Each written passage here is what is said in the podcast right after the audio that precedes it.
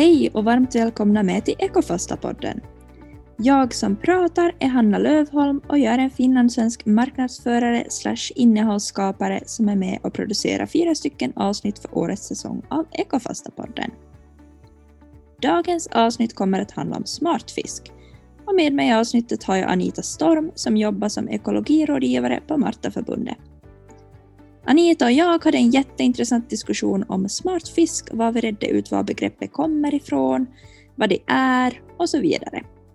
Dessutom delar Anita med sig av en hel del smarriga recepttips.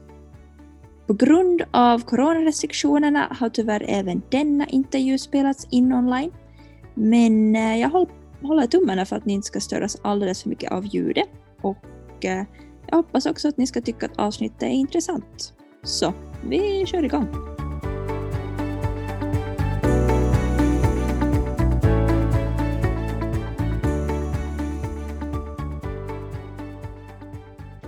Hejsan Anita och välkommen med i ett nytt avsnitt av Ekofasta-podden. Hej Hanna! Du har varit med i många avsnitt i tidigare säsonger och eh, nu är du här igen. Jättekul! I dagens avsnitt så ska vi prata om smart fisk och eh, du är en expert på det här området. Så jag tänker att vi kan börja med att du får berätta vem du är och vad du jobbar med. Jag är då Anita Storm och jag jobbar som ekolo ekologirådgivare på Martaförbundet. Och där så försöker jag då inspirera människor att göra bättre val i vardagen och det baserat då på att de produkter som vi omger oss med och som vi köper eller skaffar på något sätt, så det påverkar oss och på miljön. Och genom att man väljer ett bättre val, så om vi alla drar vårt strå till stacken så kan vi få ganska stora förändringar i, i hur mycket saker som kommer ut i miljön. Ja, men precis. Um, jag tänker att vi, vi kör igång helt enkelt på, på ämne smartfisk och uh, jag tänker att vi kör helt enkelt med den väldigt enkla frågan. Vad är smartfisk? Smartfisk kan man med ett annat ord säga outnyttjade fiskarter. Ja, I dagens läge så börjar det ju vara en viss nyttjandegrad men när vi lanserade det här ordet så, så var det ganska främmande för människor att äta mört och, och simpa och nors men eh, under de senaste åren så har det skett en ganska stor förändring. Men det är i princip mörtfiskarna som vi har ganska länge ratat. Under de senaste 30-40 åren så har vi inte varit intresserade av dem. Det vill säga då mört, id, braxen. Och så kan man ju ta med färnar och sarven och det finns ju ett stort antal av, av mörtfiskar. Sen är det ju också norsen som är en väldigt fin fisk, bara man vet hur man ska göra med den. Simpan får man en helt fantastisk eh, soppa på. Eh, också romnen från den är väldigt fin. Laken, det är lite beroende på vilket område man är ifrån, men på en del ställen så är den lite klassad också som en outnyttjad, man vill inte äta den i och med att den är en bottenfisk. Gäddan, jag har eh, ställen i Österbotten där man, det sägs att man blir i strid för resten av livet om man bjuder på gädda. Så, ehm, så att den eh, kan man också förbättra tillvaratagningen på. Men mycket av det har blivit faktiskt gjort och jag ser fina recept också på restauranger och så när det gäller den fisken. Eh, strömmingen Eh, så den äts ju, men vi äter ju bara 300 gram strömming per person och år. Det vill säga den största delen av eh, strömmingen går till foderfisk. Och där kunde vi förbättra oss väldigt mycket för vi kan få bra maträtter, bra mat av, av strömming. Och varför vi lyfter det här då så ju mycket för att 80 procent eller över 80 procent kommer från utlandet av den fisk som vi konsumerar. Och därför har vi valt att eh, lyfta den här smartfisken för att försöka få människor att inse att vi har fisk i vårt land som man kan få riktigt bra mat av istället för att då köpa någonting från Vietnam eller Egypten eller Norge. Smartfisk är ju klimatsmart att äta. Man har ju mycket min kortare transportsträckor och, och vi utnyttjar all fisk vi har här hemma helt enkelt. Ja, det är ju det att det är en proteinkälla och man, man säger ju att proteinkällor kommer att bli bristvara så småningom och, och varför slänga tillbaks bifångsten som man får då när, för man alla fiskare får ju i mer eller mindre mängd av de här fiskarna och, och då eh, väldigt långt har de blivit klassade som bifångst och då kippar man dem tillbaks i havet istället för att då ta upp dem, för det är ju kanske alla som överlever om de blir tillbaka kippade i, i. Och det är ju också bra att äta de här, för då får vi upp mera fosfor ur, ur Östersjön. Så det är ju verkligen en klimatgärning att göra det. Dels att ta upp fosfor, men också det här som du sa, att det är kortare avstånd. Och så ger vi ju en bredare marknadsplats för för, eller marknadsandel för, för yrkesfiskare som kan ta tillvara större delen av sin, sin, sin fångst och inte behöva klassa någonting som bifångst. Här är det ju förstås att, att eh, då behöver man ju få betalt så att det räcker till omkostnaderna för att ta upp det. Och det här är kanske en sak som yrkesfiskare lyfter upp i dagens läge, att det är inte alla gånger man betalar så pass bra att det lönar sig, ja, de, de känner sig som kanske lite utnyttjade. Eh, och det är också viktigt att tänka på att vi behöver betala ett bra pris för eh, råvaror som kommer från vårt land, för vi har också mycket högre krav på liksom social säkerhet. Alltså med, med om du är sjuk så får du ersättning och du har rätt till semester och övertidsersättning och dylikt. Vilket ju inte är fallet då om vi tar vår fisk från Vietnam till exempel. Så vi måste ju också värna och vara villiga att betala för produkter som kommer från ett land där man ser till att arbetstagaren har bra arbetsförhållanden. Ja men precis, verkligen. Väldigt viktigt. Hur är det idag? Finns det så att det finns specifika fiskare som bara fiskar smart fisk? Eller hur går det till i, i praktiken? Eh, det finns ju, det har funnits sån här bortfiske, alltså man har tagit upp eh, och försökt specifikt få bort de här fiskarna som har varit inom vissa projekt, till exempel som John Nurminen stiftelse har, har dragit. Eh, och så har man i vissa insjöar försökt ta bort så mycket som möjligt för att minska då näringsbelastningen. Eh, men så där i stora drag så skulle jag säga att eh, du fiskar ju, du är ju inriktad då på en viss fiskart, men sen så får du ju också andra arter på, på köpet och kanske just mörkfisken är någonting som du får på köpet under vissa tider när det finns i riklig mängd. Så jag skulle säga att det är nog ett kombinationsfiske och det beror det på att om du kanske får 10 kilo eh, mörtfisk så lönar det sig kanske inte att göra så mycket med det, men får du 300 kilo så, så börjar det ju ändå vara mängder att ta hand om och, och föra vidare. Och i dagens läge så, så är ju mörtfisken en bristvara. Så att det är ju flera sådana här eh, stora jättar som har tagit fram produkter. Så under det senaste halvåret så har det stått i disken att de finns inte tillgängliga för de har inte tillräckligt mycket med råvara. Hur är det med, med rom? Jag har hört att rom klassas som en typ av smartfisk. Ja, no, det är ju rommen så, så eh, det, det tas tillvara från eh, siklöjan, siken och gäddan. Och jag skulle vilja säga att, eh, att eh, om man vill vara näringsjägare så ska mm. man satsa på, på eh, det där romnen. Och jag tycker det är onödigt att vi kastar bort romn i samband, i samband med att vi rensar fisk som har romn. Till exempel då gädda så har ju otroliga mängder med rom, men också norsen. Som mest när jag varit med eh, några yrkesfiskare så har de fått fem ton med nors i en och samma ryscha.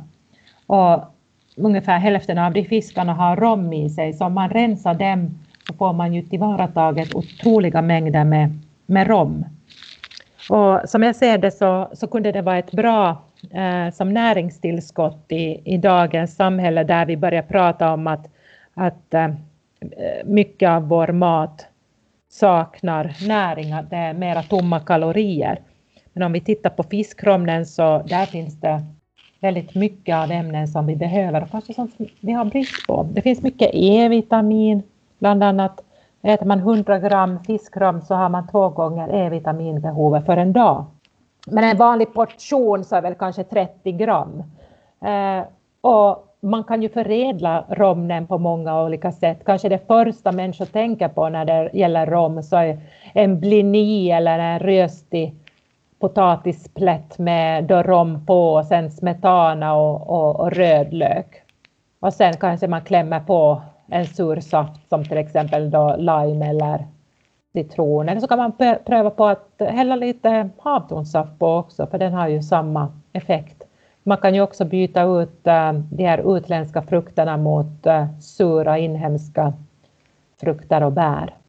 Men jag ser ju också, jag har smakat helt fantastiska röror, till exempel när man kokar eh, rom från, från strömming. Så det var ett riktigt fint recept från Hotskär som jag fick smaka på och ta del av. Eh, så där var det då ägg och, just eh, crème fraîche som var blandat då. Och till julen så passade det ju väldigt fint att, eh, att lägga sånt på, på bröd. Vi är ju relativt bra på att äta bröd i Finland. Så vi skulle kunna variera det och för, på det här sättet så ska vi kunna öka andelen liksom portioner fisk per vecka också. Så att jag ser rätt stora potentialer i Romlen. Nu kanske den skulle bli ganska dyr, men eh, det finns ju människor som är betal villiga att betala för och ha pengar att satsa på bra mat. Eh, med någon kock så har jag diskuterat det att till exempel Noma i Köpenhamn så har varit väldigt intresserade av, av just olika romsorter från fisk från Norden och skulle vilja utveckla det mera. Och här får vi ju också in färger, till exempel Simpansrom så är ju helt fantastisk. Eh, I förra veckan så åt jag en del simprom och en del var sådär gulgröna till färgen. Sen fanns det turkosa och när jag rensar simpan så färgkodar jag. Alltså jag, jag tar tillvara romnen enligt vilken färg den har, så jag har många skålar framför mig och försöker avgöra när jag klipper upp fisken att jaha, till vilken skål ska den här romnen nu? Och så tvättar jag dem enskilt enligt färg och fryser in dem. Och du har ju ett, ett års hållbarhet på de här, så du, du kan ju samla på en liksom sån här näringsrik mat så kanske man skulle kunna tänka sig att göra 52 påsar och så äter man en portion per vecka. Ja men precis. Jag kan göra ett, ett, det blir ett personligt inslag här för min del, men att jag kan ta och säga att min före detta pojkväns pappa är fiskare, så jag har själv ätit väldigt mycket rom och speciellt sikrom och, och det är nog faktiskt en riktig delikatess. Ja, det är det och du kan som variera dem då äh, på olika sätt. Och till exempel till en bakt potatis och så tar du romnen och, och blandar ihop den med lite färska kryddor och, och så. Eh, eller så att du kokar och gör olika sådana här gubbröror. Eller sen att du bara äter den som den är eh, i, i olika konstellationer. Så här ser jag som en potential för den här romnen tas upp ur havet men hamnar oftast i i då, äh, avfallshanteringen, mm. brand, brandrenset. Nå, många så gör ju biogas och dylikt av det också, men, men jag tycker att vi, vi kunde utnyttja, och vi skulle få en be, bättre nyttjandeprocent av fisken om vi skulle även ta tillvara romnen. No, men exakt. Jag tänker så här snabbt nu att det skulle vara en jätterolig grej att göra någon typ av finländsk sushi. Man skulle ta tillvara på smartfisk och speciellt rommen och, och göra det till en ny grej. äh, det är redan gjort. Det, det fanns så? ett pro projekt äh, som hette Kvarken Sushi. Var det 2013, 2014 någon gång, eller var det redan 2012? Ja, någon gång där i alla fall så, så fanns det ett Kvarken Sushi-projekt där man tog fram då, då använde man gädda och det där abborre rätt mycket. Och man bytte ut äh, då riset mot korngryn. Men använde då samma sån här risvinäger. Så, så jag tycker ju mycket bättre om kvarken sushi än om äh, äkta sushi med ris. För att du får så mycket mera smak eh, med hjälp av det här korngrynet. För egentligen så är ju ris, det har ju ingen smak, men du får en annan sötma, en annan karaktär när du uh, kör med, med korngryn. Så, så, så får jag välja så väljer jag definitivt sushi med korngryn. Mm -hmm, vad spännande! Vad roligt, det låter ju faktiskt jätte, jätte, jättegott det där. Man skulle måste testa själv. Vet du om det finns några no restauranger någonstans i Finland som, som serverar det här? Eh, jag vet att eh, sushin har lett till att antalet fall av binnekemask har ökat ganska mycket i Finland. Oj då. För, för eh, det tänker ju inte alla på att speciellt om fisken är från insjöar så finns det risk för sådana här inälvsmaskar om man då fryser in den eller kokar den. Och då har det ju visat sig att sådana som inte har kunskaper i det här och gör sushi och använder någon inhemsk fisk från insjöar så kan sprida ganska mycket sånt här. Så det är också viktigt att ha den där bakgrundskunskapen. För egentligen säger jag ju inte att det är ett problem med binnikemaskar för det går ju att åtgärda, men du måste, den som tillreder så måste ha den kunskapen. Så jag tror det har ökat med 20-30 procent eller så här. Det har varit eh, under, sen, sen sushin blev, blev populär. Ja, jag ska väl inte uttala mig om procenten, men, men det har ökat dramatiskt i alla fall, har jag förstått. Ja, det låter ju inte jättetrevligt. men, Nej, men, men det går ju att åtgärda. Ja, förstås, förstås. Uh, hur är det idag? Du jobbar på Martaförbundet och ni, ni vad heter det, utbildar i smartfisk. Och, uh, kan du ge exempel på hur ni försöker liksom öka kunskapen om smartfisk? Jag drar ju flera stycken sådana här webbinarier och jag kommer väl att dra det under våren också. Så jag går igenom de här olika fiskarterna, lite om hur man rensar dem och hur man kan tänka, visa lite alternativa sätt. Eh, visa på olika maträtter som man kan göra av de olika fiskarterna och vad som är lite mina favoriter och vad som jag prövar på.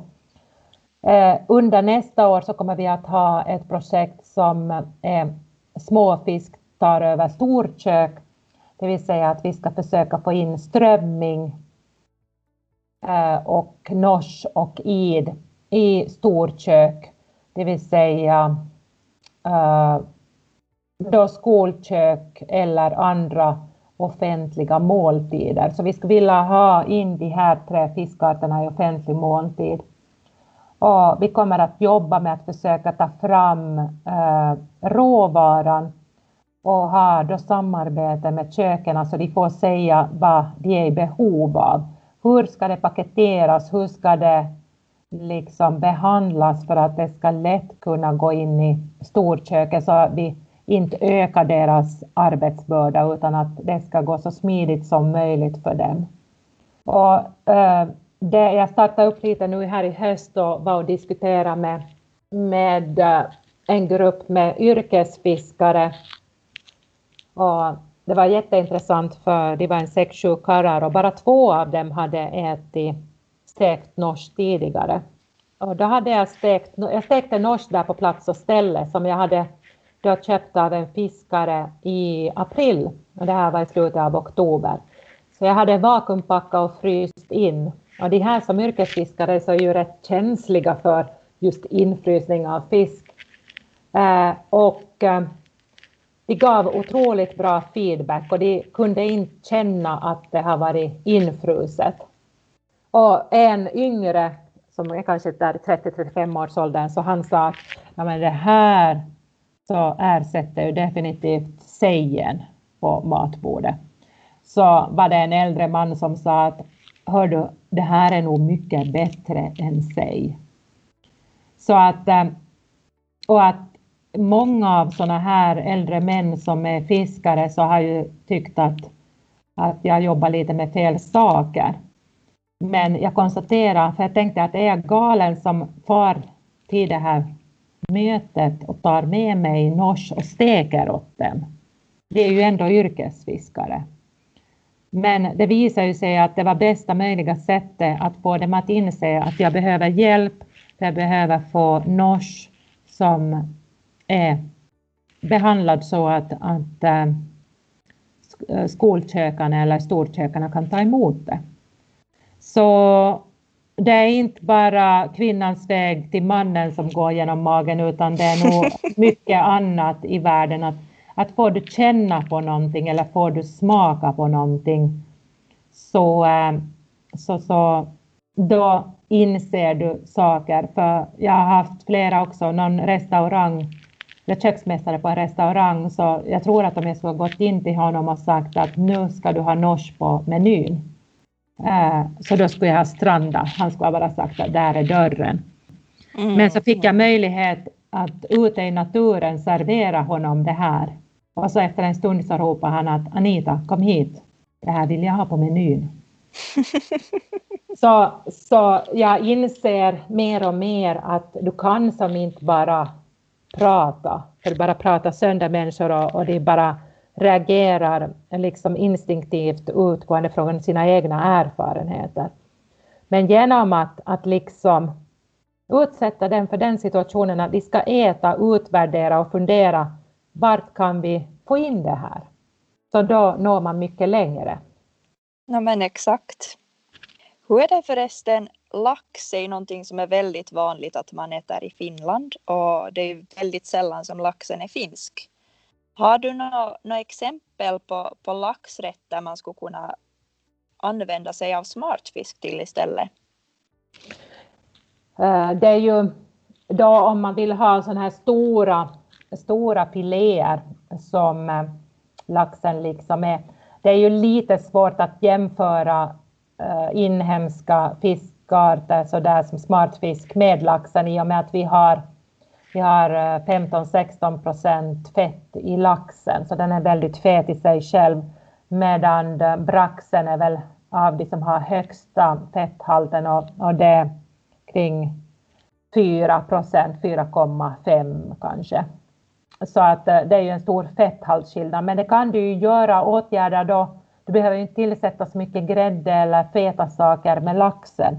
Men när du tillreder smartfisken så kanske du behöver ha den här fetttillsatsen i form av då grädde eller dylikt. För det är ju också så att eh, fett är smakbryggan mellan liksom maten och dina smaklökar.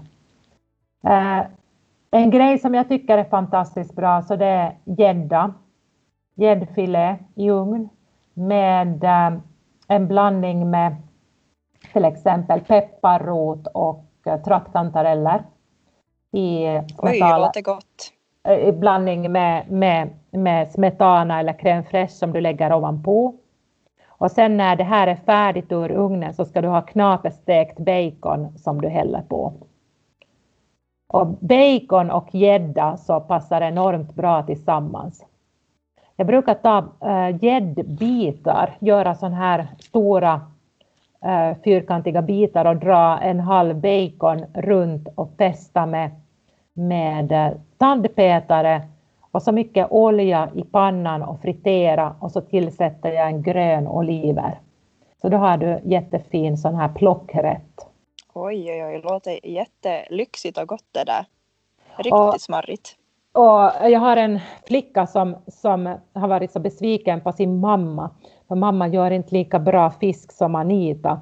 Och det var så att jag var dit med, med eh, lake och gjorde lakfiléer då som jag skar i bitar och vände i lite västerbottenost och skorpmjöl. Och det här fick hon äta då med potatismos. Och hon var bara att när kommer Anita igen med, med, med den där fisken? Mamma, du kan inte alls göra lika bra fisk som Anita. Så att, äh, ja, det, det finns olika sätt att nå fram till både äldre och yngre genom maten. Absolut, absolut. Hur är det alltså smartfiske, själva begreppet, är det så att det är ett finlandssvenskt ord eller? Det är helt finlandssvenskt ord. Uh, Martaförbundet hade ett projekt som de kallar för Belly Smartfisk. Uh, och, eller det smarta fiskvalet var det väl som ursprungsprojektet hette. Och då hade vi inom kustaktionsgruppen här i, i Vasa, så Mikael Nygård som då var aktivator just då, så bjöd in till ett möte. Och han var så upprörd över att, vi, att det användes så mycket skräpfiskbegrepp. Så han ville jobba bort det här skräpfisk eh, och, och eh, hitta på någonting nytt. Och då var vi ja, vad var det, sex, sju personer som satt där och brainstormade. Och vi enades om att smart fisk är ett bra begrepp för det väcker liksom lite intresse. Att vad, vad är det här nu då? Att vad, vad menar de nu riktigt? Eh, för det har ju visat sig att barn som äter fisk två gånger i veckan har ett högre IQ än de som inte äter fisk. Så därför är det ju bra att också tänka att man blir smartare av att äta fisk.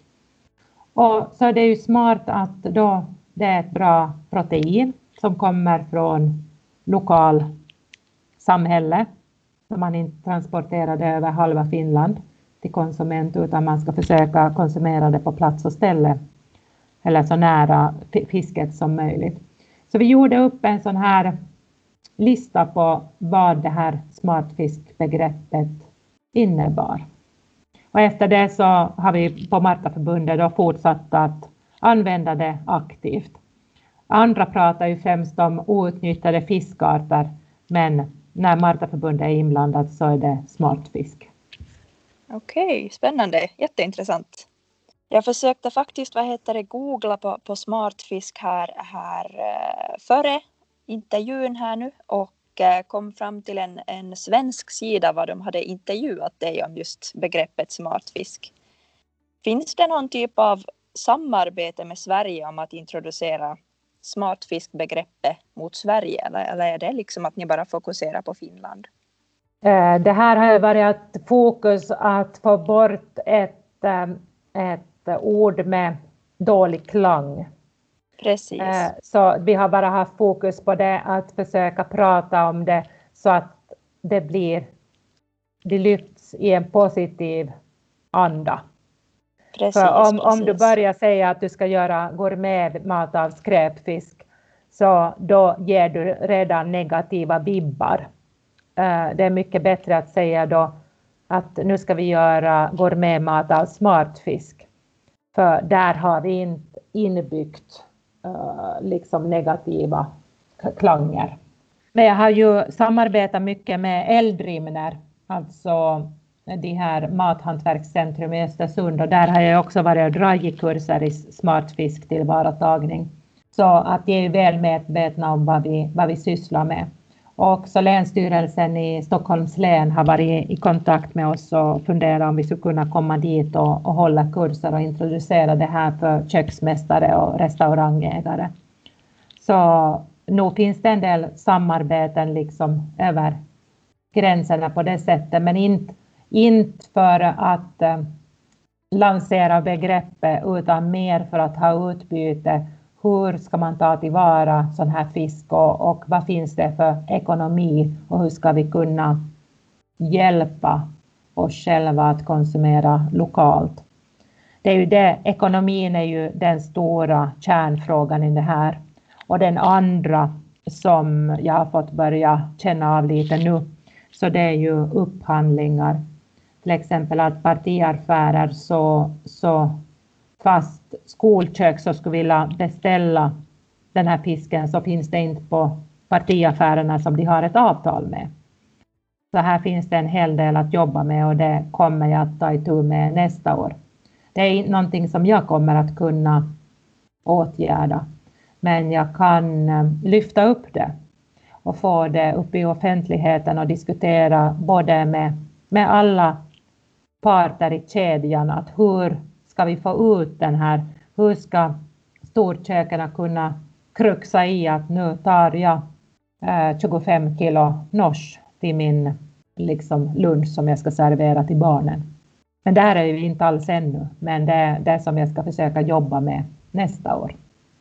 Okej, okay, roligt. Uh, ni har väldigt mycket information om smartfiske på Martaförbundets hemsidor.